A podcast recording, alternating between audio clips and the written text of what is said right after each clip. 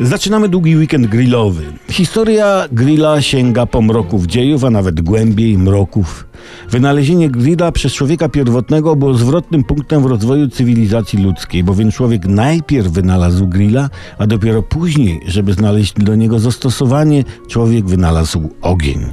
Pierwszy grill, jak głoszą ustne przekazy namalowane w jaskiniach, był drewniany. Ułożone w klatkę kijki nie spełniały jednak swojego zadania, spalały się szybko i kiełbasa wpadała pierwotniakom do ogniska. Przełomem w historii grilla było zastosowanie kości mamuta, a później wraz z rozwojem metaloplastyki nasza cywilizacja osiągnęła swój szczyt, którego karkówką na torcie jest właśnie grill metalowy, czyli taki, jakim go znamy teraz i lubimy.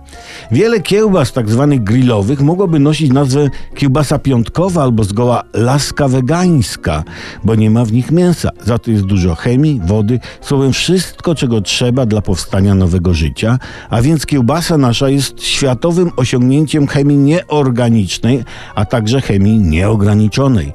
Jednym słowem ta kiełbasa ma w sobie to coś. To niezwykle zaawansowany technicznie i biologicznie produkt, z którego możemy być dumni pod każdą szerokością, długością i głębokością geograficzną.